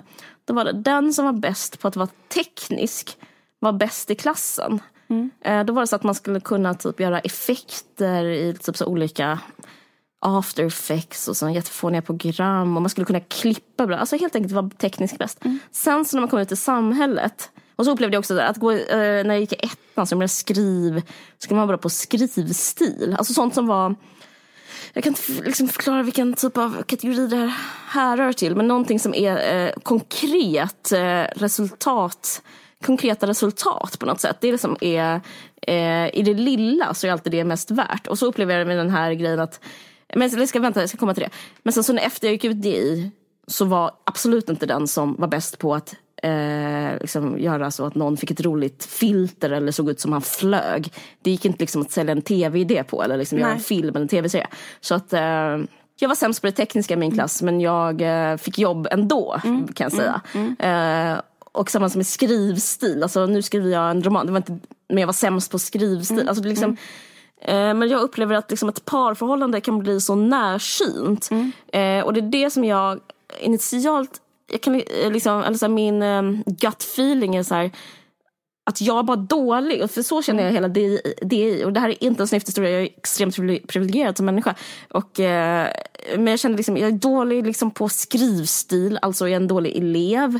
Jag är dålig på det tekniska, alltså var jag dålig student. Och nu är jag dålig i mitt parförhållande för att jag eh, jag kan liksom inte vika ihop ett mjölkpaket, jag kan inte knyta. Mm. Liksom, det blir liksom inte bra när jag gör såna här om jag dammsuger så liksom ligger det kvar grejer. Mm. Alltså liksom att jag är en sopa på sådana grejer. Mm. Och därför blir det, det som är dåligt med min version då, min variant på livet, att jag bara ska vara en, så här, en slags eh, filosofisk chef i familjen, är att man eh, har jättelåg status. Man, känner, eller man får liksom en självkänsla som är, här kommer pajasen. Och så tror jag pappor har varit traditionellt. Ja, ja. Att de är så här, oj oj oj, är det något i grytorna så lyfter man på locket så är man så här, Nej men eh, potatis, min favorit. Så är en, en liksom pappa på 50-talet och så här, uh, typ så här, sätter en så här servettring på näsan och leker med barnet, mm. totalt fumlig och så här. Mm. Ska du hoppa i säng? Så går okay, mamman iväg. Precis, klä på dem fel eh, liksom, kläder. Och, ja. ja. och då får man väldigt så här, låg självkänsla eh, som eh, förälder och liksom människa. Att man är helt oduglig som människa egentligen. Mm. Eh, så det är liksom, jag tror inte att... Eh, eh, därför finns en poäng för mig att uppvärdera det. An, eller liksom bara zooma ut pyttelite och vara så här, eh, eh, värdera det lika mycket. För jag tror även om du och jag kan konstatera att ja, det finns en, så här, en teori som är projektledare, det finns böcker, familjen AB, allt det där. Det finns liksom, men, mm. men i ett, där och då, i närstrid, så är det väl den som står och diskar som vinner, är det inte så?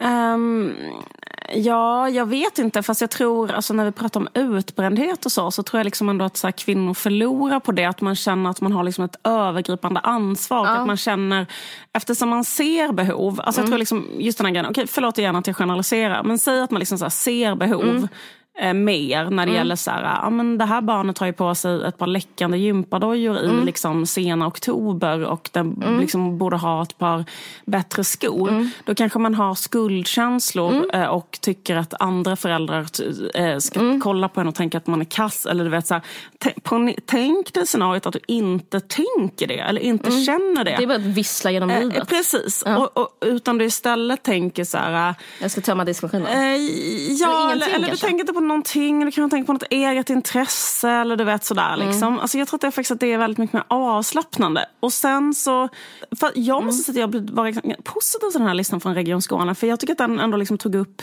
Men då måste du, man är ju positiv om man vinner på den, eller? Ja, jo absolut. Ja. Alltså, jag tycker ändå att den liksom eh, Alltså jag tror att jag rekommenderar liksom att man kan gå in där och mm. göra det med sin partner. För det är mm. faktiskt så här, Jag tror också det. Den, eh, den är en lifesaver tror jag för jättemånga. Precis. Bara att man kan diskutera. Sen tycker jag att det är så himla vanlig situation i en familj. Att båda upplever att det är de som gör mest. Alltså, alltså förstår du vad jag menar? Alltså, jag du, tror inte det är så. Jag tror, inte, jag tror, och för jag har sett andra... Att båda är så mina, förbittrade för nej, att de får göra Nej, så mycket. så här är det. För jag är ofta, jag vet hur killar är. Mm. För att jag är killen. Så här är det. Jag ska inte nämna några namn. Men jag vet när, ki när killar killar har ett vapen som är fantastiskt. Och det är faktiskt att spela dumma. Mm. Som är så här, uh, fan jag visste inte det. Eller jag har inte tänkt på det. Eller bara liksom um, låtsas att inte hänga med. Eller vad man ska säga. Och det, det sätter en i helt underbara situationer. Att man bara då gör någon annan det. Det är jätteenkelt. Eller liksom sån här grejen som, som är så här, det finns ju också att ha egen tid. Jag vet inte om den stod med på listan. Jo, det gjorde jo, den det faktiskt. Säkert, ja. Att inte förstå att eh, egen tid är någonting man tar från en gemensam pott och typ sånt där. Alltså, det finns jättemånga grejer som man så kan motivera genom att inte fatta. Och då liksom får man liksom bygger man sakta men säkert ett bättre liv för sig själv. Att, man, alltså att killar hinner före med sina intressen. Och så här, jag har tennislektion mm, och jag mm, har mm. en, så här, en Träning. Träning och, och bokcirkel mm. och, och, matlag. Mm. Alltså alla sådana grejer som är i sig inget dåligt men, men om man inte låtsas förstå sambandet med liksom familjelivet så är det liksom söndrande för familjelivet mm. men det är gött för partnern. Och så, mm. kan jag, så kan jag vara lite också. Att jag bara så här, uh, oj men det har jag Aj, nej, jag, planerat, det har, har inte jag sagt det? Det var bestämt så länge. Det har planerat in. Liksom att det är så här, det är bara någonting som är, mm, man gör liksom sitt eget liv till en självklarhet, också lite solitärt och ställer det utanför parlivet. Men egentligen fattar man ju det inte utanför. Det är ju som bara, men det är göttare för en själv. Men jag tycker det faktiskt är genuint svårt. För jag kan känna mm. så här, jag vill att det ska vara mm. helt städat hemma hos oss.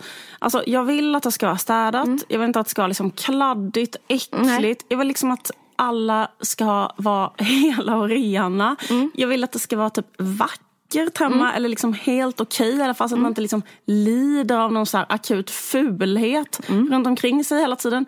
Eh, och jag vill att liksom alla högtider, jag, jag, vill att det ska vara så här då att det är så fucking liksom överdådigt och jättekul. Mm. Typ, nu finns det liksom, eh, du vet, allt man kan tänka sig som är kul med mm. eh, liksom eh, halloween. Eller fattar du vad jag menar? Alltså, liksom att man, adventsljusstake, det måste vara äh, stjärnor, det måste vara glitter, det måste vara liksom, alltså, vet, så här, eh, för att annars tycker inte jag att det är kul. Alltså, eller jag tycker inte det känns okej. Okay. Alltså, jag, jag, då liksom lider jag. Ja. Eh, jag vill inte ha någon sån eh, halvtaskig, smutsig... Alltså, fattar man, alltså, då, då kan du väl projektleda din kille att göra det? Ja. Ja, det är så du menar. För ja. att jag ändå ska kunna, så att jag liksom bara ska kunna sitta och skriva list. Ja. Så, så, så, jo men så måste du ja. göra. Du får ja. till exempel inte handla en julgran. Det måste någon annan göra. Mm. Ja, precis. Men jag tycker faktiskt att jag, tror, jag vet inte om många liksom känner igen sig det. För jag tycker det är jättesvårt. Jag känner igen mig ja, jättemycket. Jag, och jag är exakt likadan. Ja, men exakt. För jag tycker det är väldigt svårt att och liksom, men sen, jag kan tycka att det är svårt också, alltså nu, jag vet inte om det också, det finns en, en, en sak som handlar om att leva i en eh, liksom bonusfamilj också. Mm. Som är så att eh, man själv, eh, eller att jag har två barn som inte är min killes barn till exempel. Ja, så att liksom, det blir så liksom mitt ansvar. Exakt. Mm. Ja men precis för att det, det är liksom en men så att, så att jag, jag, tror att många kan kanske känna igen sig i det också. Att man liksom har, alltså, man har inte 50-50 ansvaret för det. Eller man kan inte kräva det. Eller liksom för man är inte, alltså den mm. andra personen är inte förälder till barnen. Alltså, och den har inte heller liksom någon saying när det gäller olika saker. Det gäller barnet med skola och uppfostran på det sättet. och så. Utan man kan ju göra på mm. olika sätt. Men det, det blir ändå som att det blir väldigt tydligt att en är projektledare. Men alltså... Um, jag kan tycka att en sak är svår. Och det är det här liksom att om man ser ett behov. Säg att äh, äh, vi fortsätter med den här jättesjuka könsstereotypen att killar inte ser behov. Men liksom, då är det ju ändå så här. Det är, det är en ändå, tankemodell. Alltså det är ja, inte, precis, vi det är en tankemodell. Nej, men, då kan jag tycka att det är svårt att motivera att tvinga en annan person att göra det om det är någonting som verkligen bara man själv vill göra. Alltså, men vad är projektledare? Ja, säg ett exempel så här. Jag tycker att vi ska måla om och tapetsera om i det här rummet. Och den andra säger så här, ah, det tycker inte jag för jag tycker att det kan vara som det är. Förstår du vad jag menar? Ja, men de, då är den personen, då gör ju han det jag sa. Vad? Låtsas att han inte tycker det. Låtsas att det går bra lika utan. Ja, men det kan man väl tycka på riktigt. Så här, det tror jag, jag tycker att det här liksom är en... Liksom, jag vill hellre liksom, prioritera att jobba eller vara ledig istället för att nej, hålla på. För att, det, för att det är för båda. Det är finare. Alltså, det, är, det är objektivt att det att, nu ska jag, jag kan säga en sak för mitt liv. Jag vill ha liksom vackra gardiner. Mm. Gammaldags tjocka mm, gardiner. Mm, mm, ja. Då, och nu har vi inte det. Mm. Det är väl objektivt att det är finare att ha det än inte? Nej, det är det inte. Utan tänk om du skulle bo med en projektledare som skulle vilja någonting som du absolut inte vill. Eller jag menar som du aldrig har tänkt på. Och sen tvinga dig att involvera dig i det. Ja, men det, är ju, det är ju ett familjeliv du beskriver. Så ja, tror exakt, det. Ja. Det, det. är så jag tror det är. Det är så jag tror, för det finns ju, annars blir det att man dubbelarbetar eller trippelarbetar. Köpa dem själv, skriva upp dem själv och sen gå till jobbet. Jag kommer ihåg en eh, replik i That 70s show som mm. är så här, där eh, den här gubben i familjen säger så här, att, att, uh, att vara gift det är, att, det är att göra saker man inte själv vill. Det bara är det. Det bara, så här, liksom, vad är att vara gift? Det är liksom att, men för så, så kan det ju vara att ha ja. barn också, eller liksom att ha en familj överhuvudtaget. Ja. Att liksom, det går ut liksom till liksom 90 procent för att bara göra saker ja. man inte riktigt själv vill egentligen. Men det är så här... Men det är väl lite, men, då, om vi, men annars är det som att man inte, det är väl lite av premissen eller är det, är det för deppigt att se det så? Jag tänker att det är liksom, att det är lite så det är på något sätt. Mm. Men jag kan ändå tycka att det är svårt. Jag tror att man kan vara mer eller mindre olika på det här ja. sättet också. Men att liksom, ponera att man är ihop med en person som är totalt ointresserad eller inte ser behov eller liksom lika gärna hade kunnat bo i en liksom, källare eller en replokal. Alltså, mm. Alltså, vad jag menar? Som liksom mm. inte överhuvudtaget värderar det. Ska man då liksom hålla på och liksom tvinga den personen att vara involverad i saker som för den är liksom ett helt främmande liv? Mm. Alltså, det, det är det jag menar. Att där kan jag, ja, men jag säger bara ja på det. Jag tycker verkligen ja. det. Mm. Men du tycker inte det? Ja, jag vet inte, jag bara tycker att det ibland, jag tycker ibland att det kan kännas svårt att liksom... Det är också ett sätt att komma nära sin partner tänker jag. Att, ja. Jag tvingar den att sätta upp gardiner. Tjocka gardiner.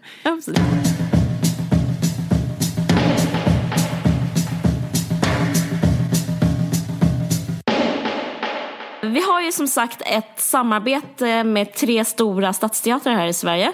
Eh, Malmö, Uppsala och Göteborg. Och på Uppsala stadsteater är det så sjukt nu att din pjäs spelas. Som heter mm. Uppgång och fall. Eller din pjäs, du har skrivit en bok, en, ett seriealbum och utifrån den har Sara Giese regisserat och satt upp en pjäs.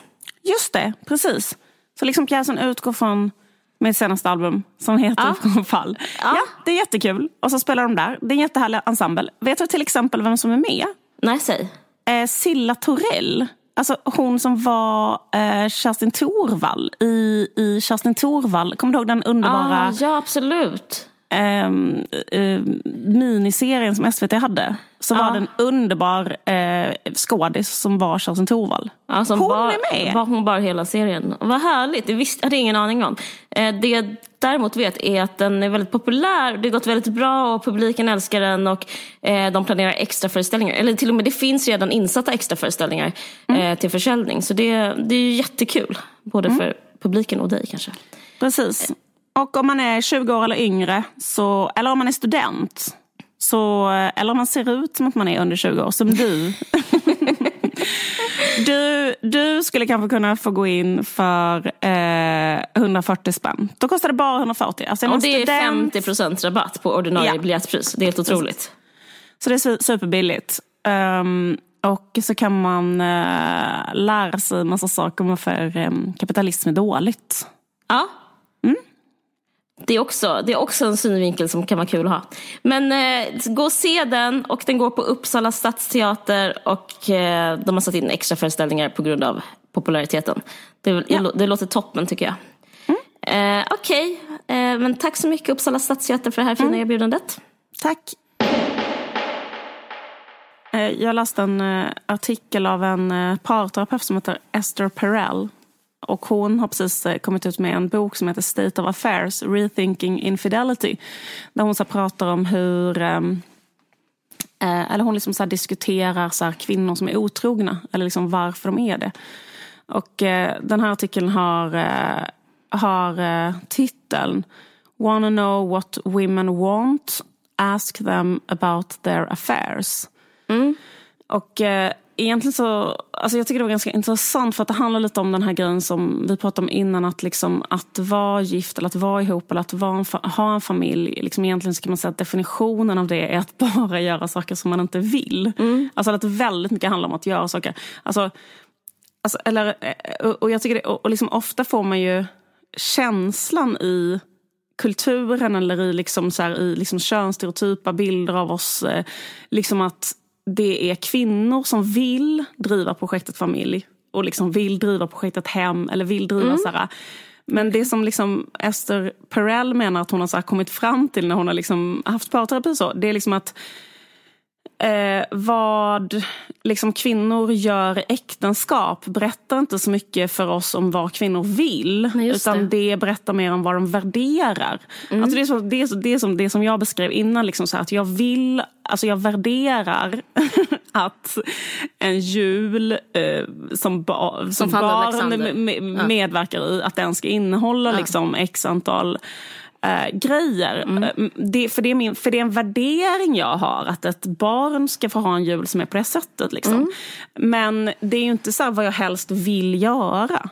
Nej. Alltså, men skulle jag säga till så här, vad, vad vill jag? Dina desires Nej. slutar inte i liksom eh, ja, men sitta så med en apelsin och proppa in nejlikor. Nej, i och för sig måste jag säga att jag också gillar att göra det. Men grejen är att... Men det, det går inte, men det, du, det måste, kan vi inte prata om. Jag har hela tiden tänkt så här, säga att du är pysslig. Men det, går, det kommer liksom, det är för jobbigt att ta in den eh, Nej, faktorn. Exakt. Men du är pysslig. Ja men jag vet, alltså grejen är att jag gillar också att göra sådana saker. Men grejen är att Men det hör inte hit? Eller? Nej, det, det, eller vad ska man säga? Det, det, det, det är väl ändå inte dina deepest desires? Nej precis, fast däremot så kan jag tänka mig att många kvinnor, så här, speciellt förr, för det kan jag faktiskt känna igen mig liksom, när det verkligen är så här, alltså, typ att jag äh, gillar ju att skapa. Mm. När inte jag kan vara i min ateljé och rita serier, till exempel när det är jullov, mina barn är hemma hela tiden. Då liksom får jag utlopp de grejerna genom att sitta och hålla på på att göra massa jävla julpyssel med dem eller göra någonting. Alltså, det, för, att, för, att, för att jag känner att, att, jag, att jag får utlopp för en skapande verksamhet ändå. Och det tror jag att väldigt många kvinnor gör, alltså, som håller på med så här, gör en sinnessjuk ja. tårta, dekorera den eh, till ett barnkalas, eh, gör cupcakes. Liksom. Jag håller på jättemycket när det gäller så här, påsken, typ att göra egen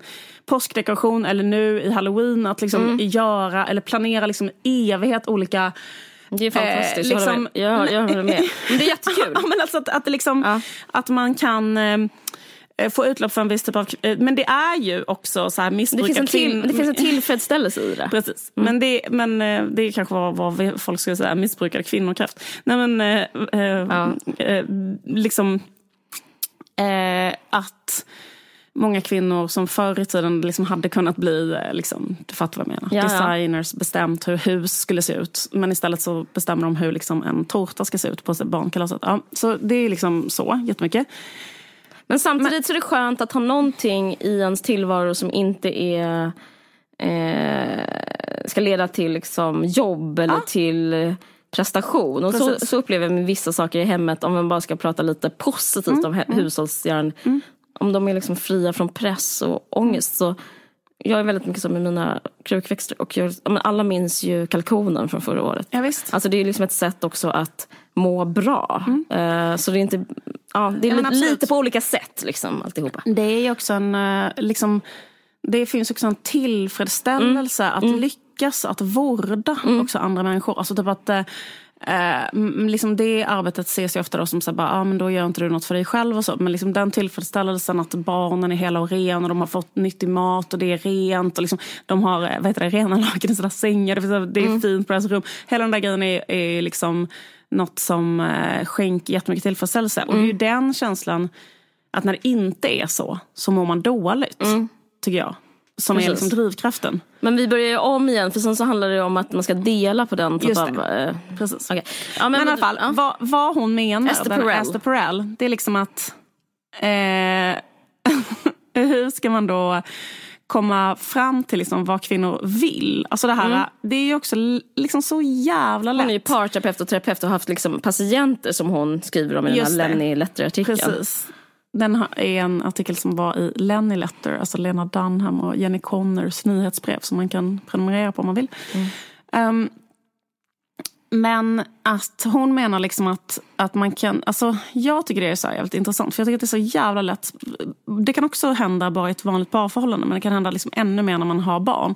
Att man liksom som tjej då liksom navigera bort totalt från så här, vad jag själv vill eller vad är mina egna behov. Mm. Och att man liksom förflyttar det till så här, vad är liksom familjens bästa eller barnens bästa. Eller liksom, vad, liksom, du vet, mm. att man liksom börjar, börjar liksom hålla på med det. Då menar Esther Perel att i, i kvinnor som är otrogna då, liksom i deras otrohetsaffärer så kan vi få en glimt in till deras fria vilja. Mm. Um, och så är hon så att hon rättfärdigar liksom inte otrohet. Hon vill bara, liksom, uh, hon vill bara söka sanningen. Ja. Och så skriver hon så här, jag tror att sanningen ofta gömmer sig på platser uh, som liksom är mindre bekväma eller så. Eller liksom att, att hon menar att liksom när hon har intervjuat eller liksom haft terapi med, med kvinnor som har affärer så det, blir det liksom ett sätt så här, för liksom, om man inte lyckas med det som du pratar om, att dela mm. på det emotionella arbetet, mm. projektledarrollen, så kan det vara liksom en väg ut mm. från liksom den här eh, otroligt liksom vårdande övergripande konstiga mm. chefsrollen. Att, eh, att enda sättet kanske mm. att göra vad man själv vill, det är liksom att ha en affär. Alltså jag tolkar det inte riktigt så. Alltså jag tänkte att, eller det är hon, vad jag förstår det som, att hon pratar om det enda stället en viss typ av kvinnor kan vara sanna ja. är, är där. Precis. Och eh, män har ett privilegium som du pratade om. Att eh, män är ofta normen i ett förhållande. Mm. Och därför, att få vara normen är också att få vara sann. För att då är man inte den som anpassar sin redan sanna person inför en annan person. Så att liksom, det handlar väl om att eh, att aldrig få vara normen och så behöver man vara normen. Eller liksom normen, vad ska man säga? Att, få, att aldrig få vara sann och så får man vara sann. För det, det, och liksom, jag tycker, jag, tycker det liksom, jag blev liksom lite bestört av det. För det handlar jättemycket för mig om ett eh, hon beskriver så förtryckta kvinnor tycker ja. jag. Alltså det är bara liksom, ingen klarar av förtryck och alla vill från förtryck och mm. det här är ett sätt. Mm. Det är liksom det hon berättar om. Precis. Alltså hon beskriver till exempel ett möte som hon haft med en patient och så skriver hon så här liksom att den här patienten har så svårt att behålla sin egen identitet i relationer. Mm. Detta mm. tror jag är liksom något som är väldigt vanligt. Mm. Att man liksom också är så otroligt kompromissvillig och man förstår att enda sättet att hålla ihop kanske en familj mm. eller så, det är ofta, och det är också de facto, att man på något sätt kompromissar ganska mm. mycket med så här egna intressen och behov och hit och mm. dit. Liksom. Eh, men den här kvinnan, då, den här patienten, liksom, när hon har en affär, då vet hon definitivt att hon gör vad hon verkligen mm. Och hon tar inte hand om någon, det här är bara för henne. Och hon spelar inte längre en kulturellt sanktionerad roll som mm. är så här, den snälla flickan eller flickvännen mm. eller frun eller mamman eller så. Liksom. Eller att de rollerna som tilldelas eh, kvinnor liksom, i de här väldigt så här, gamla patriarkala institutionerna, mm. de är väldigt så här, Eh, alltså det är ju mycket så liksom att eh, mannen kanske i, ett, eh, i en familj kan fortfarande vara liksom en människa i lite högre utsträckning mm. medan liksom kvinnan mm, blir en mamma. Mm. Och eh, Eh, och mamman, alltså bara ordet mamma betyder eh, att du har inte egna behov. Alltså mm. punkt. Alltså mm. inget är liksom... Man är till för någon annan. Precis, man är mm. bara till för någon annan hela mm. tiden. Um, och... Uh, uh, Men en, en sak som är intressant med... Alltså för det handlar ju om... Det, alltså det intressanta med, eller som hon säger, är att hon, hon ser det här via sex. Mm. Eh, att det är ett sätt att... Eh, det finns en gammal myt som snackar om också som är så här... Eh, jag tror det var den här texten. Jo, jo, att så här, kvinnor är otrogna för de vill ha kärlek. Och män är otrogna för att de vill typ fullfölja eh, en sexuell ja. Eh, fantasi. Men eh, Esther Perel säger lite att det inte alls är så. Mm. Utan att eh, kvinnor vill också fullfölja en sexuell fantasi. För till skillnad, och det här också tycker jag beskriver normen, eller vem som får bestämma vad i typ världen. Men alltså vem som bestämmer normen. I, om vi då utgår från den tankemodellen att män oftast är norm i eh, parrelationer. Mm. Då kan man också få vara också liksom friare och rörligare. Då kan man vara så här, Ja, eh, jag vill, jag tänker på Trump. Direkt tänkte jag på Trump. Mm, mm. Jag vill bli ihop med hon som ser ut så där. Hon mm. ser ut som Melania. Mm. Eh, jag vill att hon ska vara 1,78, ha silikonbröst och typ så här, jättesnygga läppar. Och, eh, för det är den personen som jag vill knulla med. Mm, mm. Som kvinna, beskriver Esther Perel, har man liksom, eller har och har, det är inte essentiellt. Utan man, har, man är som tvungen för att liksom, kunna leva ett, liksom, ett okej liv, ett, liksom, ett värdigt liv. Eller som du pratar om, för att få liksom, sina eh, adventsstjärnor uppsatta så har man inte den, liksom, då blir man inte en... Ehm, eh, vad heter det? Man, inte, man har inte samma agens i sina val utan man är man, man tar den personen som vill ha en som, som tänder på en sexuellt och den personen för en själv kan ge en liksom adventsstjärnor och en stabilitet och ett lugn och allt det där. Men fortfarande finns ju kvinnans drift. Mm. Och det tycker jag är så fascinerande för att kvinnans drift har aldrig fått vara med. För det, så länge hon inte är norm så, så är det liksom inte hon som bestämmer. För om man varit norm som kvinna, om världen sett ut så, mm. då hade man stått, så här, man hade stått på kanske en typ så hög höjd och pekat på så olika killar. Bara, den vill jag ha. Vad jobbar, du där borta, vad jobbar du med? Jag skitsamma. Mm. Typ, jag vill ligga med dig. Jag har ju pengarna så jag liksom, vi kan ju skaffa liksom, äh, ljusstakar och eh, vad heter det, julgranar och allt det där. Men typ, eh, jag vill göra riktigt så snuskiga grejer med dig och jag vill att du ska vara pappa till mina barn. Typ. Så, för så är killar liksom. Mm. Att det finns ingen motsättning mellan liksom, sexuell fantasi och, mo och den som ska bli moder till ens barn. Utan det är liksom samma person. Men tjejer är så här, jag vill, eh, jag får, jag får liksom äta smulorna från, alltså det är jättegeneraliserat här så mm. ta det lugnt. Eh, gener, eh, liksom, eh, smulorna från mannens bord men jag har en sexuell drift och det här hon pratar om. Mm. Och där är jag mig själv. Den är inte här. Just det. För att jag kan inte få båda. För att så, så jämställt är det inte. Det, alltså, det är så här, väldigt så här krass realism. Då måste jag liksom då kanske jag knullar med en, jag vet inte, någon som bor kanske i eh, Vårby gård och inte har en utbildning. Och liksom, jag vet inte, men som så här. Så, ja. Så tolkar jag det. Ja, liksom. precis. Exakt. För liksom hon snackar om det liksom att, äh, att liksom äh, att att jag ska, vänta, jag ska bara titta. Hon menar också liksom att, precis, alltså hon, hon skriver om det här att det är svårt eh, när liksom kvinnor finner sig själva vara i så här omhändertagande roller mm. hela tiden. Eh, så är det liksom lite svårt att embracea den formen av så här själv uppfyller, liksom att man måste typ så här, för att, som är liksom väldigt viktig för så här, eh, sexuell njutning, mm. alltså att bara liksom tänka på sig själv. Mm, eller liksom, utgå från ja, jag, från, sitt jag. Precis, ja. exakt. Um, så att liksom, om man håller på hela tiden att ta hand om andra så kan man liksom inte så här, vara i sin egen kropp. Liksom typ så här, alltså hon menar att det är klart att det finns kvinnor som kan så här, ta av sig förklädet, lägga bebisen och sen gå in och vara som crazy animal. Liksom, du vet, så här. Men det vanligaste är kanske att man typ inte är det. Men ja. det betyder inte för att att, eh, att man inte har, man inte har den driften utan Nej. det bara kanske är lättare eh, att liksom eh, få utlopp för det någon helt annanstans. Där man liksom, ja.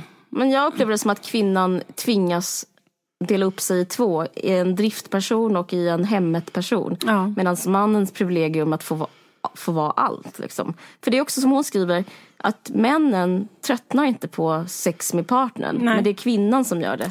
Ja men det var ju väldigt intressant för ja. hon, hon eh, också hennes forskning visar att liksom, kvinnor blir trötta på monogami snabbare än män. Alltså det finns ju liksom en myt om att så här, män blir trötta på monogami snabbare. Mm. Men hon menar på liksom att eh, Ja, det här var ganska kul tycker jag. Att hon mm. menar på liksom att män tröttnar gradvis sexuellt ja. på sin partner. Medan kvinnor tröttnar så här jättesnabbt ja. från en dag till en annan. Uh, och då liksom, det som uh, den bästa repliken i Girls, när Marnie är trött på sin, uh, vill inte ha sex med sin pojkvän Charlie och att hon säger så här It has come to the point where it feels like a weird uncle is touching me. Alltså liksom att hans inviter mm. för henne bara är så här, att det känns som en äcklig släkting tafsar på henne. Typ så uh, oattraherad är hon av honom. De är ju ändå ihop liksom, men att det är så här, uh, helt omöjligt för henne att tända på honom. Men då menar Esther Perel att liksom, det här uh, händer liksom mer, mer, uh, mer gradvis och långsamt för män men det händer väldigt snabbt för kvinnor. Ja men det tror och jag, att, jag det som att det, har, det, det händer för att man väljer bort sig själv när man blir ja, ihop med precis. någon på det normsättet. Mm. Så liksom, eh, precis. Som kvinna. Exakt. Det är liksom en uppoffring, man får välja. Exakt. Och liksom... Goals är då att inte behöva välja, tycker jag. Camilla Läckberg. Jag tycker att det var, ja, eller liksom, det handlar ju om liksom att så här, det här som hon har studerat, nämligen så här, kvinnor som har affärer. Nu det, mm. liksom, jag tycker jag tycker det var så här, faktiskt intressant att så här, diskutera mm eller att, att vad heter det, göra forskning på kvinnor som har affärer eller som mm. är otrogna. För att det är liksom en väldigt så här, speciell kulturell liksom, arketyp. Eller det, för att um, det, det är liksom annorlunda, en, väldigt annorlunda än arketypen liksom, män som är otrogna. Mm. För där finns väldigt mycket så här eh, de har ju, anses ju också vara så svin och hit och dit. Mm. Men det är liksom alltid i en, um, i en kontext som är så att det är begripligt och så. Men liksom mm. kvinnor som är otrogna, de faller alltid in i ramen sinnessjuka eller eh, eh, alltså bara helt tragiska eller totala lunatics eller människor mm. som liksom tappat allt. Alltså det är liksom mer den grejen. Mm. Ehm, eh, medan eh, män som är otrogna är bara det här, ah, jag själviskt svin typ som eh, vill bara liksom mm ha det gött. Typ. Men också liksom att kvinnlig otrohet också liksom är mer alltså så, farlig. Eller typ, det är liksom som att, eh, alltså jag menar, liksom farlig för kvinnan. Mm. Alltså typ att eh, det är typ nio länder där kvinnlig otrohet eh, fortfarande liksom är att det är dödsstraff mm. på det. Liksom. Mm, och eh, sen också hela kontexten kring att eh, bli mördad på grund av att man är otrogen eller har varit mm. otrogen. Det finns ju ett kulturellt hot om det hela tiden. Mm. Som inte finns mot män. Det finns ju också, äh, men, alltså jag tänker inte på hedersvåld. Äh, det finns ju en historisk kontext också som är bara så här, överallt i alla länder hela tiden i hela världen. Som är så här, äh, men om en kvinna har varit otrogen så är hon en fallen kvinna ja. och förskjuten. Och ja. Hon ska liksom inte eh, hennes ställning och status rubbas. Eh, till skillnad från män där det är så här, och den gamla bock. Liksom. Alltså, mm, det finns precis. liksom, eh, så det är mycket mer på spel kan man väl säga. Verkligen. I alla fall historiskt. Men det är också tycker jag att en kvinna som är otrogen ses som en kvinna som är liksom onormal. Ja. Eller så, att hon är sinnessjuk på ja. det sättet att hon inte vill ha det. För det, allting handlar om det här what do women want? Som mm. Freud ställde sig frågan. Mm. Liksom, att så här, när en kvinna är otrogen så är man så här, Nej, för att det är inte det här som kvinnor ska vilja ha. För kvinnor ska ju vilja ha så här, en fast mm. relation och en familj. Och, så här, eh, och en kvinna som vill vara otrogen eller ha affärer, mm. det är liksom mm. något med henne som är, hon är liksom skruvlös i princip. Mm. mm. Och det gör henne liksom oattraktiv och mm. bara, alltså... Hon är fel på det. Liksom. Ja, exakt. Precis. Därför tyckte jag att det var så intressant att, eh, att ha svårt att behålla liksom egen identitet mm. i en relation. Ha jättelätt för att gå in i en supertraditionell kvinnoroll där man blir jättesnabbt så här, tar jättemycket emotionellt ansvar eller blir väldigt anpassningsbar. Eller så. Mm. Till, liksom, men att liksom det kan komma en punkt liksom, där enda utvägen faktiskt är mm. att Jätte. ha en affär. Ja. För att kunna för, för att liksom det, det bara... För att inte försvinna själv. Nej, men för att inte försvinna själv, ja. exakt. Så, så det, det, är liksom en konsekvens av att vara någonstans här, alltså istället för att, eh, alltså liksom, eh, istället för det här, du är sinnessjuk eh, och så vidare, så, så kan det vara så här, du är liksom en för traditionell kvinna och det här är liksom enda sättet att Eh, för dig att här, identifiera egna behov. Mm. Liksom. Mm. Det tycker jag är intressant. Jag tycker också det är intressant. Och det jag, alltså, jag, jag, det jag kände när jag läste den var liksom en slags rädsla sprida sig i kroppen. Eh, som, som, som den med valden. Men för jag tänkte så här, för hon har rätt. Alltså hela artikeln, eller heter boken, i typ om du vill veta... Den heter State of Affairs, ah, okay. Rethinking Infidelity. Precis, men artikeln eh, heter liksom, om man vill veta vad kvinnor egentligen vill så ska ja. man kolla på deras affärer. Ja. Eh, liksom, och det jag tänkte så här, okej, okay, det handlar om kvinnor som är, för över, för, är förtryckta i övrigt. Att det är ett enda sättet att få tillbaka sig själv. Mm. Men grejen är, alltså okay, skitsamma jag ska fortsätta. Mm. Som, eh, och då börjar jag tänka på Virginia Woolf, ett eget rum. Att liksom, och då kan liksom en affär vara att så här, knulla sig till ett eget mm. rum mm. i stort mm. sett. Och, eh, det är ju så här, en, affär, en ja. affär är ju så här, ett eget knullrum. Nej men precis. Ja. Och då, jag tänkte direkt på den. Okay, ja, men alla, människor, alla människor, som även kvinnor är, behöver liksom, eh, sina egna konturer. De behöver såna, så här, ett eget rum. De behöver, och om det inte går eh, så kanske man behöver så här, se sig själv eh, i en relation, en sexuell affär. Eh, där man liksom skapar sitt egna rum för sin egen liksom, kontur och sådär. Och grejen är, man behöver bara det om man är förtryckt. För, för, att det, för om man inte är förtryckt då, får, då är liksom ens hem ens, ens egna rum. Ja. Då är liksom så här, men den här lägenheten är ens egna rum. Och du där och du där och du där är mina. Alltså det är liksom, ja. Då har man det bra. Eh, och grejen är, jag vet inte om det är mer sympatiskt egentligen att vara liksom en underdog. Men jag, jag kan säga att jag, jag känner mig verkligen inte förtryckt. Men det, då, då kommer jag fram till så, Valdens grej. Eh, det som händer liksom för jämställdhet, för det är USA också får vi inte glömma. Jag tror att det finns en, eh, en annan stämning i Sverige. Ja, det tror mm. eh, där det finns en housewife-ideal mm. och det finns liksom också med sexuell prydhet ett mm. annat ideal. Men eh, om jag bara tänker, jag behöver inte prata om mig själv, jag kan prata om Walden. Att liksom det kan som hända Walden när han liksom har så här, eh, knögglat ihop det här sista mjölkpaketet att han kanske behöver ett eget rum.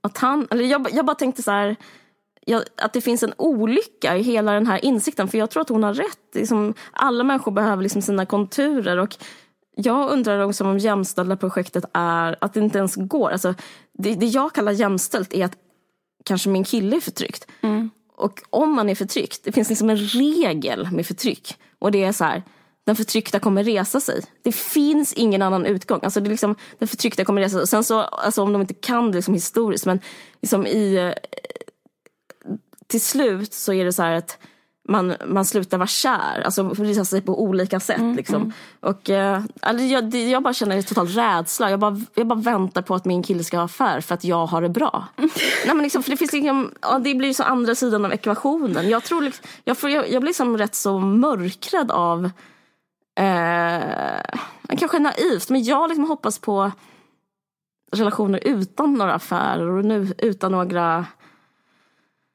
jag hoppas på så livslång kärlek där man liksom kan vara monogam. Men jag vet inte, det kanske...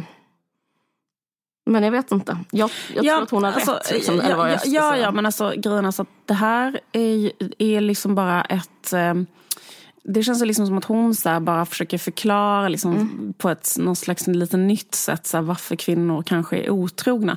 Jag, jag tror liksom mm. att, eh, att äh, jag tror egentligen att så den, den stora utmaningen liksom ligger i så här, hur ska vi kunna kombinera ett så mer och mer liksom individualistiskt eh, narcissistiskt liksom self-empowerment-samhälle mm. mm. med den typen av kollektivism som krävs av en familj. Mm. Alltså liksom att så här, eh, och hur kan man göra det rättvist? Liksom, mm. Så att båda, båda liksom, bådas individualitet. Innan har man löst alltihopa genom att bestämma mm. att mannen har individualitet och kvinnan är liksom, eh, service eh, mm. liksom, och, och uppoffrar sig själv.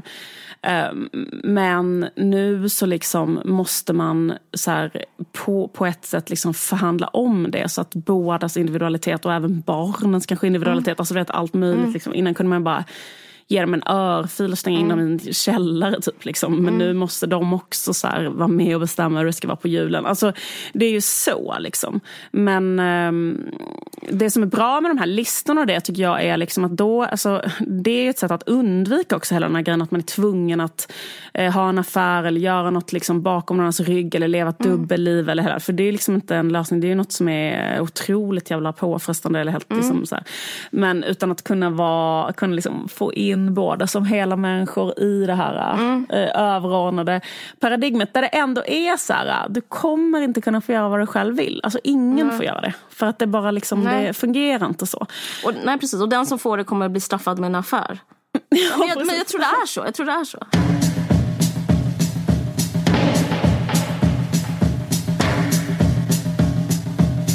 Eh, tack för att ni lyssnar. Eh, puss och kram. Eh, det här, är tack till Malmö musikstudio där det här spelas in. Hej då!